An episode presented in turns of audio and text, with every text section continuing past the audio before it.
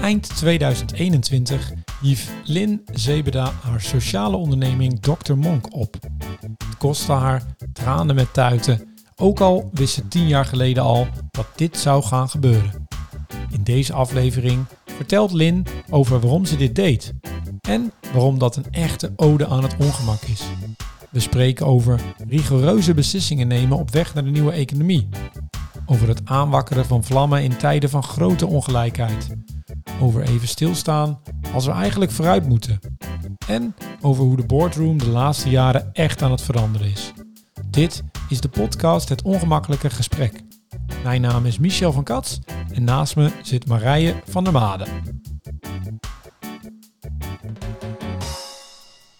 Hartstikke bedankt dat je onze gast wil zijn. Ja, tuurlijk. Heel erg leuk dat jullie er zijn. um, ons onderwerp voor deze podcast is natuurlijk ongemak.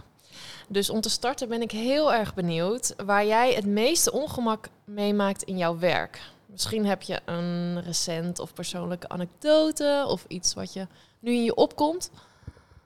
Waar ik ongemak meemaak in mijn eigen werk. Ja. Nou, of misschien was het wel aan de, aan de kersttafel. ja, precies. Toch het eerste dat er in me opkomt, uh, gaat over ongelijkheid. Weet je wel, het gaat over, want ons werk was natuurlijk uh, verspreid over twee continenten, Europa en Afrika. Uh, verschillende Afrikaanse landen waar we projecten deden. En, um, en je komt zelf ook uit een, een, uit een gemengd gezin, weet je wel, van met een Nederlandse moeder, Surinaamse vader, waardoor ik ehm, ook opgroeide met een groter besef misschien wel van verschillen en uh, in de wereld en hoe de geschiedenis daar ook aan bij heeft gedragen. En um, ik vind dat we dat in, um, in de gesprekken, discussie over duurzame transitie um, toch wel te makkelijk achterwege laten. Terwijl het voor mij heel erg centraal is en heel ongemakkelijk en pijnlijk van die gigantische soort van obscene ongelijkheid die er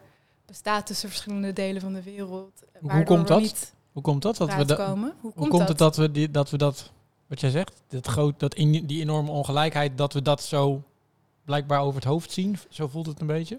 Um, voor het gemak, denk ik. Ja. ja.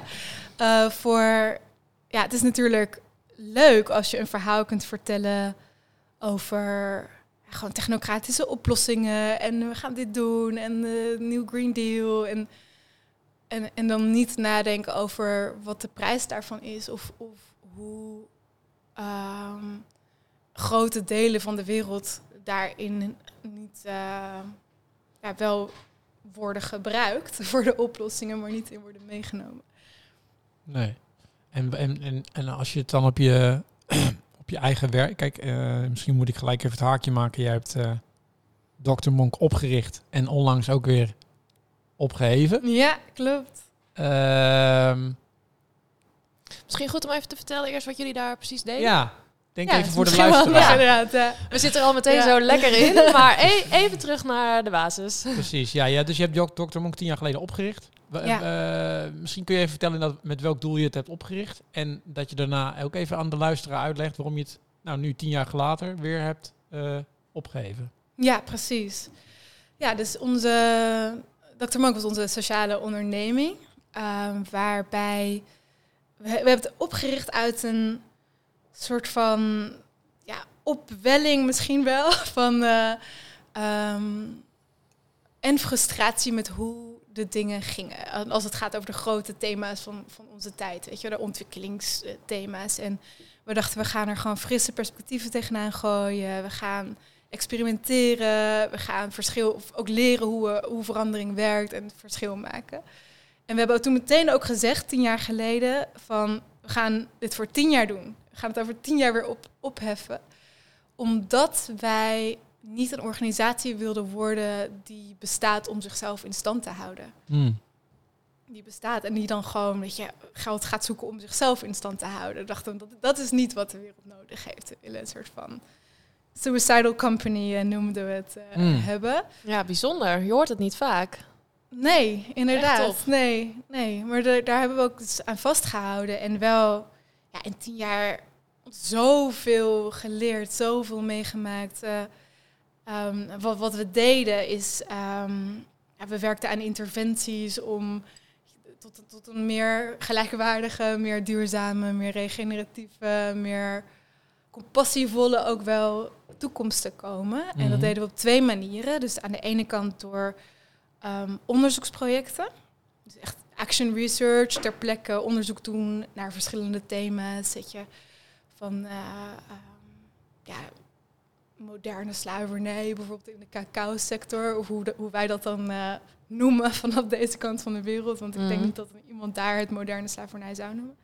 Ehm, tot ja, klimaatgerelateerde thema's, of rondom de oceaan, rondom inclusie van eh, eh, ja, blinde en dove mensen onlangs nog in West-Afrika, tot borstvoeding, moeders in de Afrikaanse steden, tot mental health, Wauw, dus ja. allerlei verschillende Hoe, sociale kwam, en hoe duurzame kwamen die thema's. onderwerpen tot jullie dan? Hoe bepaalden jullie welke onderzoeken, projecten jullie wel en niet ingingen? Eh, gewoon magic. Magic. Altijd, ja. Oh. Eigenlijk wel. Dus eh, eh, wat er op ons pad komt. Nou, we hadden wel heel duidelijke intentie natuurlijk. We, zouden, we wilden alleen maar werken aan dingen waar we, is- waarvan we zelf dachten... "Ah, dit gaat ergens over. Ja. Dit is een soort van sociale acupunctuur. Weet je wel, als je dit thema weet te tackelen... dan eh, gaat er echt iets loskomen. Gaat er iets eh, veranderen ten goede. Ehm, en dan ook veel co-creatie. Dus echt partijen die ook naar ons toe kwamen van... wauw, we vinden jullie tof, laten we iets samen doen. En Mm. dan gingen we gewoon echt letterlijk bedenken wat we gingen doen. Ja. Ja. En dat was dan eh, onze opdracht. En allemaal Ah. overkoepelend ongelijkheid eigenlijk als thema horen. Misschien onderliggend, misschien niet zo expliciet. Ja. Veel op het snijvlak van ja, social justice thema's inderdaad en duurzame thema's. ja. Voor ons is dat altijd één verhaal.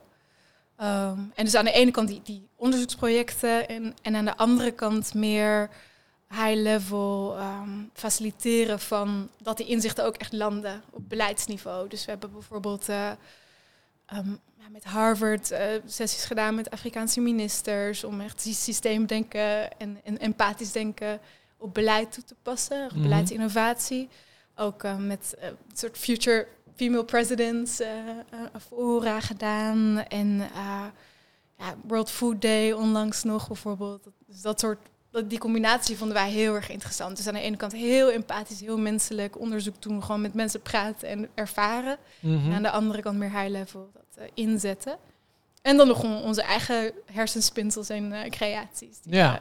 we- Ja. Het, het voelt een beetje, het, zo komt het op mij over als een soort, nou ja, misschien een speeltuin niet helemaal het goede woord, maar wel gewoon allemaal dingen die je energie hebben gegeven en waarbij jij het gevoel hebt van dit draagt bij aan eh, het, nou ja, terugbrengen van die ongelijkheid en daarbij ook, want dat las ik ook eh, bij Dr. Monk op jouw site dat je belangrijk vindt, de combinatie met klimaatprobleem, wat daar natuurlijk heel erg eh, mee samenhangt. Zeg ik dat dan goed dat het een beetje op die manier tien jaar lang is gebeurd? Ja, ja, ik denk, ja, we zijn natuurlijk wel gegroeid, ook gewoon ouder geworden. En, eh, Mhm. En misschien wat meer, ehm, ja, humble ook wel. Weet je, hoe zeg je dat? Gewoon meer dat je, dat de hele cliché van hoe meer je leert, hoe meer je weet eh, wat je allemaal nog niet weet. En Mhm. ehm, nou, echt belangrijke inzichten ook opgedaan. In, Wat is het waar- Zou je een voorbeeld kunnen noemen van een belangrijk inzicht? Hè, als je nou kijkt- terugkijkt naar tien jaar geleden toen je eh, met, je met je collega Dr. Monk opricht en nu. Wat is nou het belangrijkste inzicht misschien wel wat je hebt geleerd? Ja, Hm. Ehm, nou, meerdere dingen. Misschien op heel persoonlijk niveau. Van, eh, we waren met een team van, we waren met z'n zessen als, als kernteam en dan nog hele cirkel mensen eromheen, eh, waar we allerlei projecten mee hebben gedaan. En dat, ja, dat, dat neem ik echt heel erg mee van hoe. ehm, als je, als je met mensen werkt die je zo vertrouwt en waar je zoveel lol mee hebt, dat je, en die allemaal iets, iets meebrengen, iets anders meebrengen, van hoeveel je dan voor elkaar kunt krijgen eigenlijk. Mm. Met, Ja. met ontzettend veel, ehm, ja, ook misschien bijna wel net als zo'n een hommel, weet je wel, die kan, die zou je, als je die ziet, gewoon anatomisch, zou je zeggen, nou, dat kan niet vliegen. Zo'n dik lijfje en zulke kleine vleugels, Ja. dat kan niet. Maar dit, hij doet het toch. Ja, ja, ja. Dus dat je hoeveel je kan doen met elkaar als je zo'n zo'n sfeer hebt. En Mm. zo'n energie. Maar ook wat, wat ik een heel belangrijke les vind is. ehm, dus als je niet eh, als organisatie jouw eigen ego of agenda voorop stelt, hoe wil je dan in, in co-creatie, in samenwerking voor elkaar kunt krijgen. Dat je, dat je niet, het is niet jouw ding, maar gewoon wat moet er gebeuren en wie hebben we daarvoor nodig? Oké, let's Ja. do it. Weet je wel? Van hoe, hoeveel je dan kan als je, als je grenzen van je bedrijf fluïde zijn. Van, Mhm. ehm, ja, wie er allemaal wel of niet bij hoort. Heb jij het idee dat, dat er te veel bedrijven zijn die dat niet, die daar, zich daar misschien ongemakkelijk bij voelen? Hè? Om er even op het thema, Ja, om, ja, om buiten hun eigen agenda te gaan. Want ze hebben natuurlijk een eigen merk en een eigen identiteit en een eigen imago. En dan willen ze graag alleen de activiteiten doen die daar goed bij passen misschien. En daarmee Ja. zeggen ze ook nee tegen activiteiten die... Ja goed, je kan ook niet alles doen. Je moet natuurlijk ook wel keuzes maken. Ja. ja, zeker. Ik denk dat dit echt een van de grootste eh, issues is. Of, we zitten echt een beetje te bibberen hier. Dus ik heb het echt koud. Oh, het valt nu wel mee. Ik begin er- het Het begint gelukkig. langzaam wat warmer te krijgen. Even voor de luisteraar, wij zitten hier op een, op een woonboot in Amsterdam-Noord. Ja. eh, waar de verwarming eh, net aan is gegaan toen we, voordat we deze opnames gingen starten. ja, precies. Eh, maar het wordt wat mij betreft elke minuut warmer. Oké, gelukkig, gelukkig. Nou, ehm, nee, ik vind, dat, ik vind dat een hele ehm, interessante ook. Mhm. Van, want we weten wat ons te doen staat. We hebben echt gigantische uitdagingen om op te lossen. Ehm, dus hoe komen we ertoe dat we gewoon doen wat we moeten doen met elkaar, weet je wel? Ja. En niet gewoon doen wat jij hebt bedacht te moeten doen of je eigen plannetje volgen. Ehm, en ik denk ook in de, ja, in de meer bestuurlijke rollen die ik heb, dat ik dat, ik dat steeds meer me realiseer van hoe belangrijk dat is om, om uit te zoomen. Dus niet alleen uitzoomen als het gaat om, om tijd. Dat je inderdaad goed begrijpt van oké, hoe zijn we hier gekomen en waar gaan we naartoe. Mhm. Uitzoomen gewoon ja, regionaal. Dus dat je ziet van hoe, wat is het grotere plaatje. Maar ook echt uitzoomen hierin. Van wat, hoe eh, kom ik buiten mijn silo en hoe kan ik verschillende perspectieven bezigen? Hoe kan ik eh, verschillende, ja, verschillende disciplines bij elkaar brengen om, ehm, om te doen wat we moeten doen. En inderdaad niet in, op mijn eigen eilandje te blijven zitten. Nee. Nee. Want hoe ehm, deze inzicht ook die je hiervoor noemde, natuurlijk super mooi. En nu achteraf kun je daar natuurlijk op die manier naar kijken. Ja, Maar waar ik zelf ook nog wel vaak mee struggle, is dat ehm, als je ergens mee bezig zit of je zit ergens middenin, dat het best wel moeilijk is, zeker met deze thema's, omdat er gewoon nog zoveel ellende is op dit vlak, op, op, op deze thema's.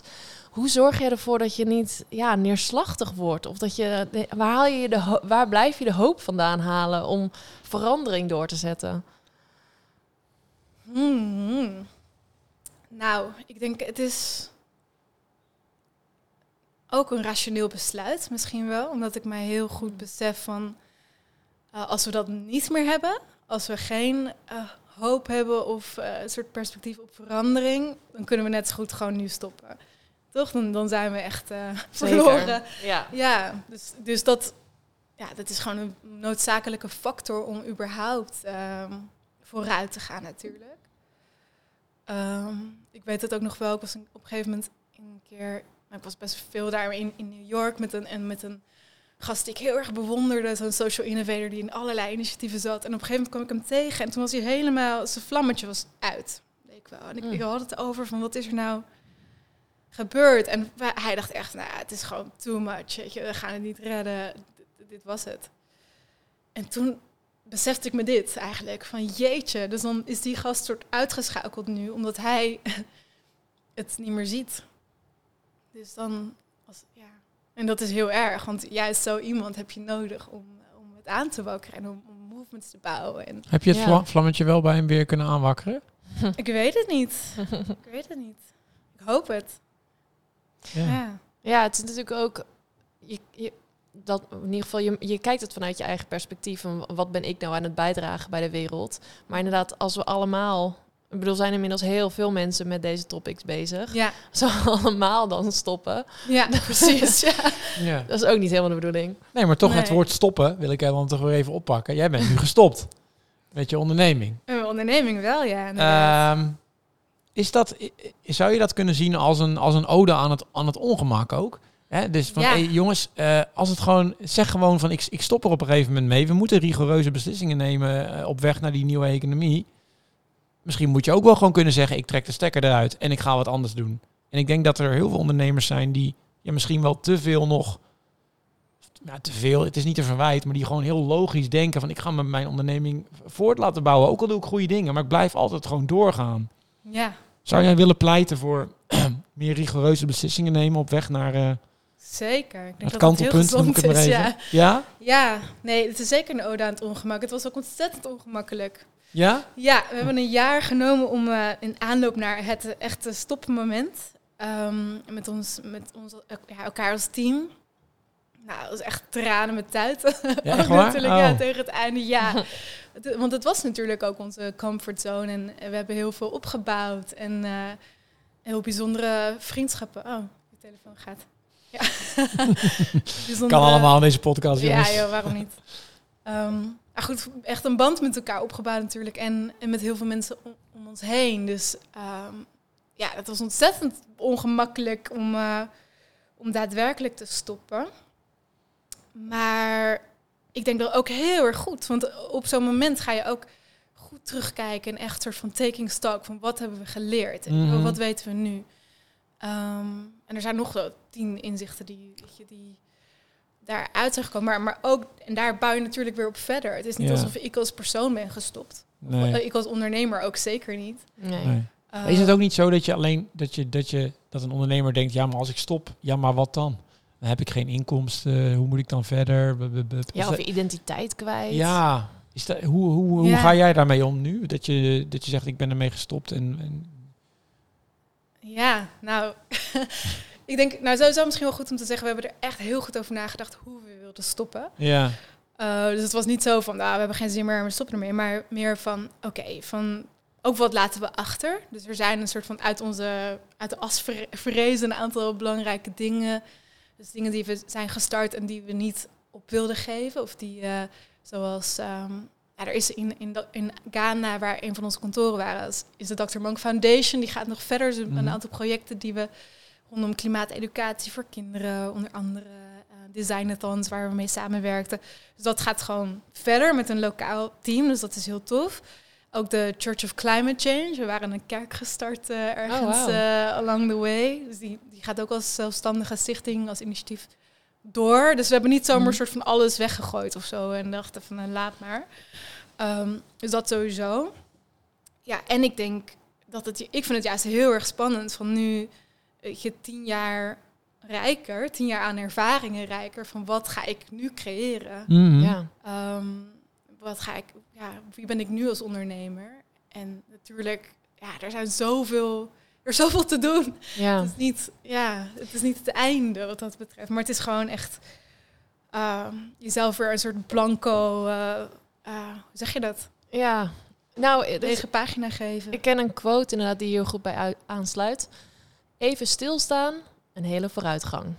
ja, precies. Ja. Dat is het eigenlijk, Ja. toch? Ja. Even weer- stilstaan, Ja. Teruggaan na- naar een moment van bezinking. ja, Wat gaan we nu doen? Wat, Ja. wat, wat doet er nu eigenlijk echt toe? Want het is anders dan tien jaar terug misschien. het is anders. Ik ben anders. Ja. Uh, ja, vind ik heel mooi. Ook, het, het doet me denken aan een quote van uh, Bayo Akomolafis, een, is een filosoof, die zegt ook van...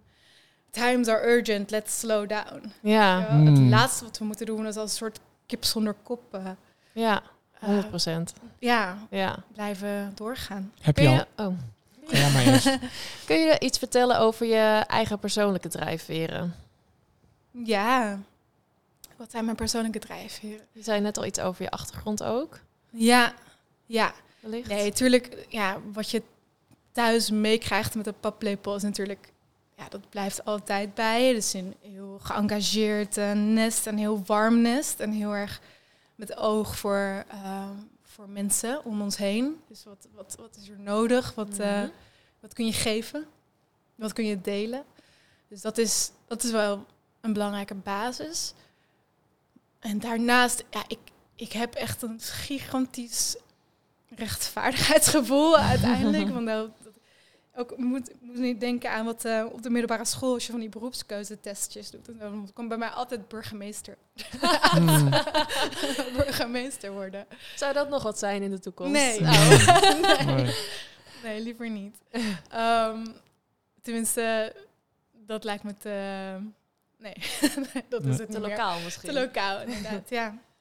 maar ja, dus ook een soort van verantwoordelijkheidsgevoel van oké, weet je, we moeten het gewoon doen. En ik wil, het, ik wil ook mijn verantwoordelijkheid nemen. En daarnaast word ik ontzettend ge, voortgedreven, voortgestuurd misschien wel door ja, gewoon een heel web van fantastische mensen om me heen. Weet je wel, die allemaal met, met gave dingen bezig zijn of echt het verschil aan het maken zijn. En gewoon in, in elk, elk land waar, waar ik ben geweest, heb ik ze gevonden. Weet je wel, de pioniers, de, de innovators, de, ja, de permaculture mensen, de, uh, en ook binnen organisaties, gewoon de mensen die het gewoon aan het doen zijn. Dat is natuurlijk een, een heerlijk gevoel, want we doen het samen. Mm. Ja. Daar krijg je energie van. Ja. ja. En natuurlijk moet ik dan ook gewoon zeggen, mijn zoontjes. En ja. logisch. Voor hen zou ik alles doen natuurlijk. Ja. Een stukje betere wereld achterlaten. Ja, nou ja, die voel ik wel echt hoor, moet ik zeggen. Ja. zeker als we dan Jullie hebben ook wel, vast wel Don't Look Up gekeken. Ik ben halverwege. Oh, dat is echt wel... Ik heb hem nog niet gezien, maar ik lees de recensies, ja. Ja, dat is verplicht huiswerk voor vanavond. Weet ik, I know. Ja, het is natuurlijk gewoon bedoeld als satire. Nou, niet gewoon bedoeld. Ze, nee. ze wilden precies dit losmaken mm. in ons natuurlijk. Van, jezus, wat... Dit is gewoon wat we aan het doen zijn. We zijn gewoon, gewoon don't look up. Ja. gewoon door. Ja. En in de film is het zes maanden voordat de wereld eindigt. Ja, en nu we hebben iets, iets meer de tijd, ja, maar ja, ja. het scheelt niet veel. Nee. Lin, sinds, jij zit sinds kort ook in de Raad van Toezicht van MVN Nederland. Ja, ehm, klopt. Uh, nog gefeliciteerd ermee. Dank je. Uh, en je zit in, uh, in diverse andere mhm. advies- en toezichtsraden van, van verschillende stichtingen en organisaties. Ja. oh. Um, wat, wat, eh, dat is eigenlijk best wel, dat zou je best wel kunnen zien. Ik kan me voorstellen dat mensen die zeggen van, oh, dat is best bijzonder. Je bent een, eh, een jonge, jonge vrouw uh, van kleur misschien wel. Het zijn allerlei dingen waar mensen bepaalde vooroordelen misschien wel over hebben. Uh, ik kan me ook voorstellen dat er mensen zijn die zeggen, oh, bestuurders, commissarissen, dat zijn toch allemaal oude grijze mannen die ergens uh, in een, in een bedompt zaaltje iets zeggen over bepaalde organisaties en meer geld verdienen. Ik zeg het heel kort door de bocht. Ja, heel ehm, kort. Heel kort de bocht. Ja, ja. Um, wat, hoe, wat is jouw, ten eerste, wat is jouw, wat is jouw drijfveer daarin? Waarom, waarom, waarom wil jij in dat soort organisaties, in dat soort raden gaan zitten? Um, nou, misschien ik wil ook nog even terug naar, naar hoe je de vragen introduceert, inderdaad. Van, uh, je, je, je probeert natuurlijk het ongemak uh, Ja, ik zoek een beetje het vinden. ongemak op, ja. Ja, maar ik vind dat toch wel een hele relevante. Want van, vanuit wiens perspectief praat je eigenlijk, weet je wel? Mhm. Van, en dat is misschien ook wel in, um, in de bestuurscultuur belangrijk. Van, ja, misschien als jij praat vanuit een hele oldschool uh, witte mannenbril of zo, dat, dat, dat dit Ehm, relevant is wat je zegt. Maar ik bedoel, vanuit de ogen van een andere vrouw of een jong iemand of iemand met een biculturele achtergrond of wat dan ook, is natuurlijk helemaal niet. Dat is de vraag al heel gek. Ja. Um, en ik denk dat het precies hetzelfde is met hoe. Um, ja, ik vond het wel helemaal Joris Luijendijk zag ik een keer zo'n uh, webinar van en die had het over van zeven vinkjes van dat je uh, als je wit bent en man en gymnasium mm. hebt gedaan, dit en dit en dit en dat, mm dat je dan uh, dat er, dat er eigenlijk maar heel weinig mensen voldoen aan dat profiel. Ik geloof minder dan 2% of zo in Nederland. Ja, maar die zitten wel een heel groot percentage ja, in de precies, topfuncties. Ja, dus ja. Mark Rutte is daar een voorbeeld van, weet je, en bijna alle andere ministers ook. Um, dus dat is natuurlijk eigenlijk heel raar, van dat dat wel de dominante bril is die jij nu ook pakt. Mhm. Ehm, maar die zeker niet de enige bril is die, uh, die we nodig hebben om vooruit te komen. Nee. Zeker niet op een inclusieve maar is Het, is het een bril die je vaker tegenkomt in, uh, in, uh, in, in, al die functies die jij bent aangegaan? nee, eigenlijk niet. Nee? Nee. Oké. Nee. nee, want ja, het is natuurlijk, we zeggen het is bijzonder omdat het volgens mij gewoon nog feit is dat er op veel hoge functies mhm. natuurlijk witte uh, hetero mannen zitten. Um, maar dat zou natuurlijk niet zo mogen zijn. Nee. En dat is gelukkig ook wel een beetje aan het veranderen. Heb jij dat idee ook? Ja, we hebben natuurlijk ook quota en dat soort ingrepen. Ehm, ja, en ik vind ook, ik, ik kom dat helemaal niet tegen. Of die soort van tegenstelling of zo die je schetst. Echt niet, nee. En ook onder de, de mensen die wel aan die vinkjes voldoen, denk ik dat er een enorm groeiend bewustzijn is. Of eh, ook een wil om Ja. inclusief te zijn en te handelen. Ehm, ja, dat er echt wel een golf door bestuurlijk Nederland ook gaat van jeetje, van hoe, eh, hoe doen we het beter, hoe doen we het anders, hoe doen we het inclusiever en meer ah, ook realistisch misschien wel. Van dit is, niet, Ja. dit is een bubbel. Ja. Ja, gelukkig. Ja, Merk je daar nog wel ongemak in? ik zit er ook een beetje naar te zoeken, gewoon vanwege de titel van de podcast. Ja. Ehm, maar nee, nee, ik, ik ervaar daar geen ongemak in. Ik ervaar ook wel juist heel veel ehm, herkenning in drijfveren. Ehm, Het helpt misschien ook wel dat dit, ja, ik, ik al een jaar of 15 of zo misschien wel in, in boardroom functies aanschuif. Dus eerst echt als heel jong guppy natuurlijk. Intussen ben ik dat niet meer.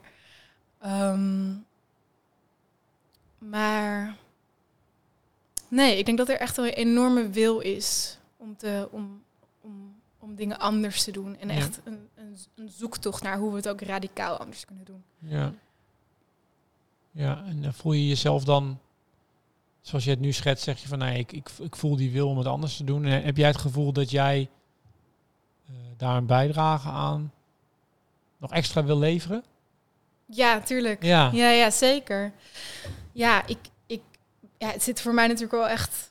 Dat anders is voor mij niet anders. Dat is, Nee. dat is mijn DNA. Dat is waar ik vandaan kom. Weet je, de wereld waar ik in mij in beweeg. Ehm, dus voor mij is het helemaal niet anders. Voor mij is het... Dat is waar de, wat Ja. de status quo zou moeten zijn. Inderdaad, dat we leven op een veel... eh, ja, dat we echt inzetten op, op, op wat we weten dat er nodig is voor de toekomst. Dat we weten van, ja, en dat, dat is echt geen kwestie meer van even fictie hier en daar. Dat is gewoon echt een ander, anders, je kompas is totaal anders Mhm. afgesteld op, eh, ja, op gelijkheid, op gewoon bepaalde waarden die echt kern zouden moeten zijn. Ja. En hoe, eh, hoe zou jij dat, hoe zou jij dat, dat noemen? Je, je hoort dan veel over bijvoorbeeld vrouwelijk leiderschap of iets dergelijks. Is, de- is dat een term waar, waar je iets mee hebt? Of zeg je dan van nee, dat vind ik eigenlijk helemaal niks? Mm, hoe bedoel je dat? Nou ja, die, die, die komt bij ons bij MVO Nederland regelmatig voorbij. Hè? Vrouwelijk leiderschap. En dat is dan niet per se bedoeld als er moeten vrouwen aan de top zijn. Dat is een ander, eigenlijk een andere discussie. Mm, Het gaat meer over de, een manier van leiding geven. ja. Dat noemen ze dan vrouwelijk leiderschap. Het gaat bijvoorbeeld over eh, Empathie en zo. kwetsbaarheid tonen, empathie tonen, meer socialere manier, minder presteren eh, gericht. Ja. Ehm, Eigenlijk al best wel raar dat we dat is raar dat dat dan vrouwelijk op- ja. leiderschap heet. masculiniteit en feminiteit eh, indelen. Ja, ik weet ja, ook toch niet zo zo goed. binair zo. Ja. Ja, ik, het is een term die je, die je best vaak voorbij ziet komen. Maar daarom, daarom vroeg ik van, er is ook discussie. Je zou dan kunnen zeggen van, waarom noemen we dat dan zo? Dus daarom Ja. was ik benieuwd hoe jij er dan naar kijkt. Ja. ja, ik vond dat wel twintig jaar geleden of zo. Nee, dat is te lang. Tien jaar geleden misschien. Wel een eye-opener. Van dat, eh, dat iemand mij vertelde. Ik was toen in, eh, in Rio. Ja, bij de Rio Plus 20 conferentie was dat ook zo'n term. Anyways, daar was iemand daar heel erg een boek over geschreven. En van vrouwelijke waarden, weet je wel. Van, ehm, die veel meer gaan over samenwerking, eh, over ja, je, je kinderen, dus daarmee ook de volgende generaties, over langetermijn denken.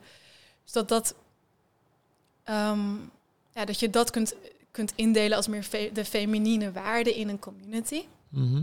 En, en die kun je vinden in vrouwen en mannen en weet je, wat dan ook. Ehm, want dat vind ik wel nu een beetje, nu, nu onze ogen ook open gaan naar natuurlijk gewoon de hele, met dank aan de LGBTQI-beweging, weet je wel. Van, waarom is het allemaal zo in hokjes? Binair, waarom is het allemaal zo binair? Waarom zien we onszelf zo? Waarom willen we onszelf zo graag eh, zo indelen? Mhm. Ehm, maar goed, ik denk dat er nog steeds wel iets te zeggen is voor eh, de balans in de waarden die ons drijven als leiders. Dat we, daar, dat we die expliciet kunnen maken. Ik denk dat dat wel heel erg mooi is. Ja. Hoe zouden we dat kunnen doen volgens jou? Ehm, Wat is, wat is het meest belangrijke wat er dan nog moet veranderen volgens jou? eh, nou, ik denk... Ja, ik word, als, terwijl ik het denk, zit ik alweer mezelf te second guessen van... Maar, van dat je... Want ik vind het ook gaan over gewoon menselijkheid, weet je wel? Van niet per se vrouwelijkheid. Nee. Maar meer van waarom moeten we allemaal zo. eh, ja, waarom kunnen we niet gewoon als, als volledige mens ergens instappen? Ja. Gewoon, ik vind dit belangrijk, ik sta hiervoor, ik wil graag van jou leren, ik wil, weet je, met je verbinden. Menswaardig leiderschap zou het eigenlijk moeten zijn. Zoiets. Ja, en gewoon als mens, dat jij gewoon als mens, want ik vind het soms zo raar van dat ook bijvoorbeeld een CEO van een eh, fossiel bedrijf of zo, weet je wel, van als mens zou je toch wel kunnen bedenken van dit is niet goed wat ik aan het doen ben of weet je, dit is niet toekomstbestendig, maar dan in je rol ga je dat dan Ja. wel doen. Terwijl ik denk als er veel meer, ja, Maar dat is natuurlijk ook het hele issue waarom er meer diversiteit op hoge functies toch nodig is. Omdat het volgens mij nog steeds gewoon een feit is dat er dus voornamelijk witte mannen zitten. En dat die helemaal geen idee hebben van ehm, eh, eh, ja, problemen. Eh, eh, niet bewust van hun privileges. Niet, eh, zeg maar, zij, Ja. zij maken op dat vlak natuurlijk hele andere dingen mee. Of eigenlijk niet mee. ja, En dat daar dan eigenlijk daardoor de empathie misschien mist. Ik op, op dat soort plekken. Ja. Of tenminste, ik denk niet dat het ligt aan het witte man zijn of zo, weet je wel. Dat, dat, Waar ligt het dat dan is aan? misschien te platte.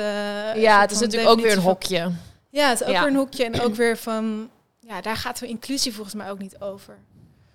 Ehm, maar wat ik er wel interessant aan vind, is wat je zegt van, dat als je een bepaalde heel geprivilegeerde positie in de maatschappij hebt, dat je dan inderdaad waarschijnlijk heel veel blinde vlekken hebt voor ervaringen van anderen Ja. en genoeg geleefde ervaringen van, van een ander.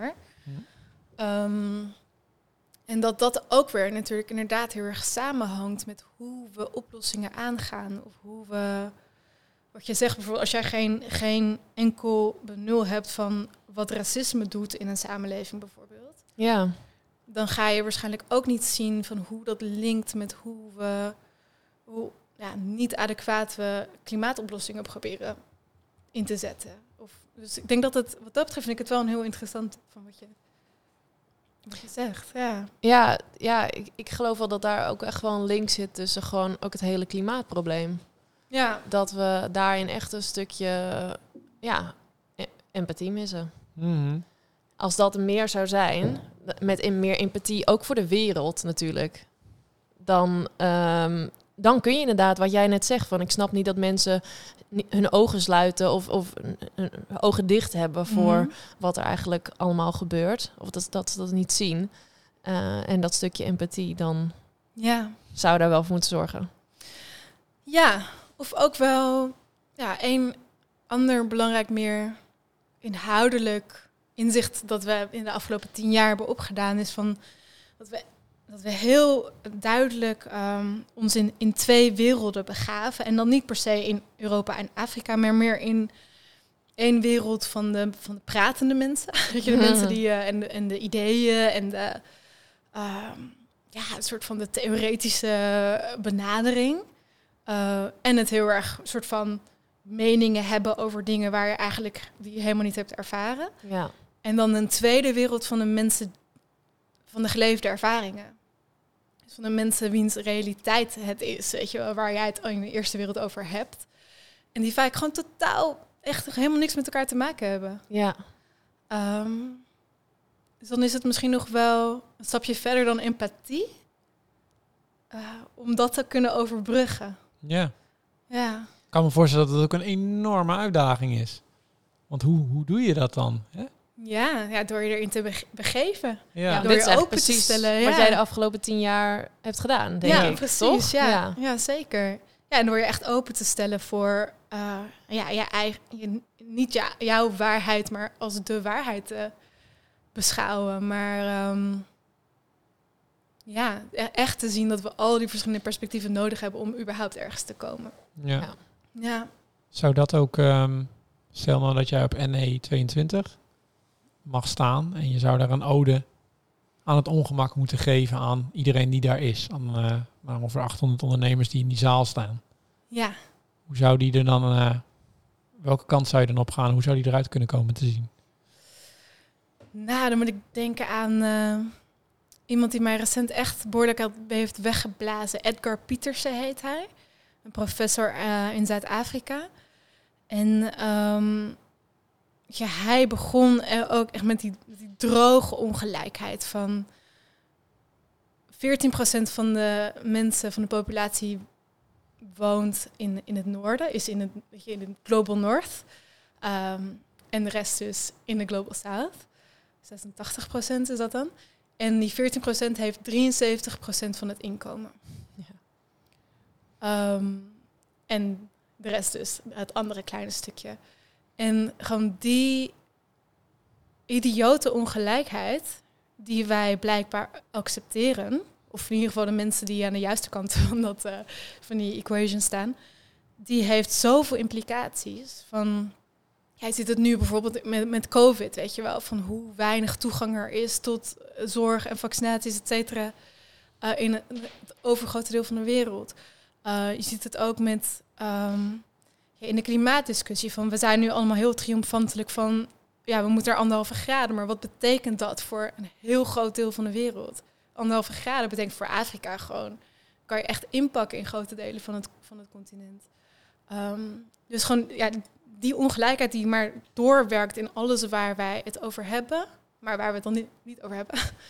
Ehm, dat, is, dat is de. Ja, dat is helemaal geen ode aan het ongemak. Dat is gewoon het ongemak. Ja. Ja. Ehm, Maar je kan natuurlijk wel een oproep doen om te zeggen van daar, ja, daar- ten eerste de bewustheid daarvan is denk ik al een, zou al denk ik een eerste stap kunnen zijn. Dan toch? ja, ja, waarschijnlijk wel. Maar is, hebben we die bewust, bewust, hebben we dat bewustzijn niet, denk je eigenlijk? Ik denk misschien de dagelijkse red race, noem ik het maar even, van het werk. Ik denk dat heel veel mensen het wel weten, maar dan misschien ook gewoon niet de tijd en de rust en het stapje terug waar we het eerder over hadden. Ja, Stap, sta nou eens stil. Dat we die gewoon niet pakken. Ja, of het is weer een kwestie van wat je eerder al een beetje zei, dat we het allemaal erover hebben, maar dat we het niet doen. Dat we niet ja daadwerkelijk actie ondernemen. precies. Ja. Ja. en het is ook misschien wel dat het niet. eh, het, het is ook dan niet een gemakkelijke oplossing. Nee. Nee. Het is een heel ongemakkelijk verhaal. Want het betekent dat wij weet je, in hoe we nadenken over oplossingen echt onszelf dingen moeten gaan ontnemen aan deze kant van de wereld. Of ook bijvoorbeeld als je denkt over de European New Green Deal eh, en, en, de, en de duurzame transitie in Europa en wat we daar allemaal voor nodig hebben aan eh, rare earth eh, elements, mineralen uit niet uit Europa, weet je wel, want in Europa willen we geen mijnen hebben Nee. en alles wat daarbij komt kijken. We willen het wel ergens anders vandaan halen. Not in my backyard, hoor je dan altijd. Hè? Ja, we, ja, we willen niet dealen met, met, met de destructie die daar ook bij komt kijken. Dus, en we, maar we willen dan ook misschien niet zien dat de realiteit is dat China heel makkelijk kan zeggen van nou, we stoppen ermee. Jullie zoeken het maar uit. Dus dat is ook een beetje misschien ongemakkelijk van hoe makkelijk wij denken over het halen Mhm. eh, op verschillende plekken in de wereld. Maar ja, dat is ook niet eindeloos. Zit ook een grens aan. ja.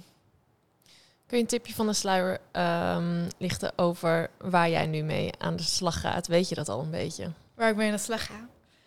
Nou, ehm, ik ben nu zeven dagen Dr. Mankeloos. ja, daarom. Die heb ik eh, vooral doorgebracht ehm, met mijn kindjes. En ik wil, mij, ik wil mezelf ook echt die ruimte geven om, eh, om de volgende stap te, ehm, ja, vorm te geven gewoon. En ik ben wel bezig inderdaad met, de- met eh, ja, in de bestuurlijke wereld, met een, een aantal posities. En eh, ja, MVO Nederland heb ik ontzettend veel zin in om eh, daar aan bij te gaan dragen. Echt een fantastische raad van toezicht. eh, heel erg... ehm, heel erg blij om met die mensen aan de slag te gaan. En met Maria natuurlijk. Ehm, en ja, bij Fairtrade en nog wat andere. ehm, ja, ik vind, ik vind dat heel erg interessant van wat ik in die wereld kan betekenen. Van de, van de raden van toezicht en de commissariaten, Ja. et cetera. Dus dat ehm, ben ik ehm, aan het verkennen wat er allemaal op mijn pad komt daarin. Ja. En eh, ja, daarnaast zal ik zeker ehm, nou goed, nee, ik, ik heb nog niet heel veel tips van de sluier om, om, om te geven. Maar er zitten er wel wat, wat mooie, mooie samenwerkingen plannen in. Ja, maar ik denk dat de als je, als je naar deze podcast hebt geluisterd, hè, hoe jij over bepaalde zaken denkt en wat je belangrijk vindt en waar je drijfveren liggen, dan we wel een beetje een gevoel kunnen hebben bij welke richting het op. ja, kan vertel gaan. eens. Nee, ik laat de- daar laat ik aan de luisteraar. Nee, nee, laat ik aan de luisteraar. Volgens mij eh, moeten we het hier eh, bij laten, Lin. We zijn alweer eh een eind op weg. Heb jij nog dingen die je graag ehm, nog kwijt wil? Of, Zeggen. ja. Ehm, ja, ja, ik denk dat ik, ik vond het wel een hele mooie wat naar boven kwam van dat mijn ode aan het ongemak eigenlijk precies is wat wij ja, recent hebben gedaan met ons bedrijf. Gewoon stop, stop met dingen. Ehm, en zorg ervoor dat de dingen die je doet ja, daadwerkelijk eh, kloppen. Weet je wel, bij wat, wat we weten dat we moeten doen. Als het gaat om klimaat, als het gaat om sociale thema's. Als het gaat gewoon om ja, die toekomst die steeds heel veel sneller dichterbij komt. Eh, ja, dat we niet gewoon maar doorgaan, maar dat we echt durven te stoppen en radicale stappen te zetten. En dat is wel een hele mooie conclusie waar wij eh, samen toe kwamen. Nou, Mooi. lijkt mij een mooie, mooie oproep, eh, beste luisteraar. Reflecteren en radicale oplossingen. Ja, zeker. Ja. Thanks voor het luisteren naar het Ongemakkelijke Gesprek, de podcast van MVO Nederland. Meer ongemakkelijke gesprekken? Volg MVO Nederland in je favoriete podcast-app. Op NE22, het grootste zakelijke duurzaamheidsfestival van het jaar, breng je zelf een ode aan het ongemak. Tickets zijn nu beschikbaar op www.ne22.nl.